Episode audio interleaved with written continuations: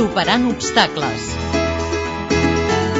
La televisió en llengua de signes a internet es consolida com a servei social a Catalunya amb la celebració del cinquè aniversari de Web Visual Televisió. Aquesta web és de FESOCA, la Federació de Persones Sordes de Catalunya, integrada a Cocarmi. Durant el primer any van tenir una mitjana de 3.000 visites mensuals. Actualment, però, tenen una mitjana de 20.000 visites en un mes, de diferents països, principalment d'Espanya i Catalunya, però també França, Argentina o Itàlia. El cinquè aniversari de Web Visual, aquest 2008, després d'un rigorós treball, ha estat aprofitat per millorar el seu contingut i fer-lo més accessible i intuïtiu. L'objectiu del portal és oferir tot tipus d'informació que arriba diàriament però de manera accessible pel col·lectiu de persones sordes.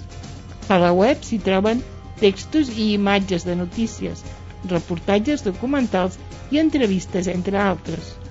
Tots són presentats en llengua de signes per persones sordes i van acompanyats de text en castellà i en català.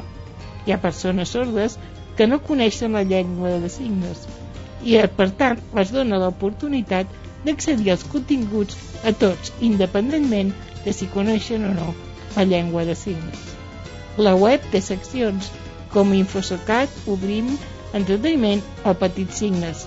Els Petits Signes és una secció molt important perquè els nens sords es troben en una pitjor situació que la resta de comunitat sorda molts neixen en un context d'oient, amb pares que no parlen la llengua de signes i els resulta difícil poder-se comunicar.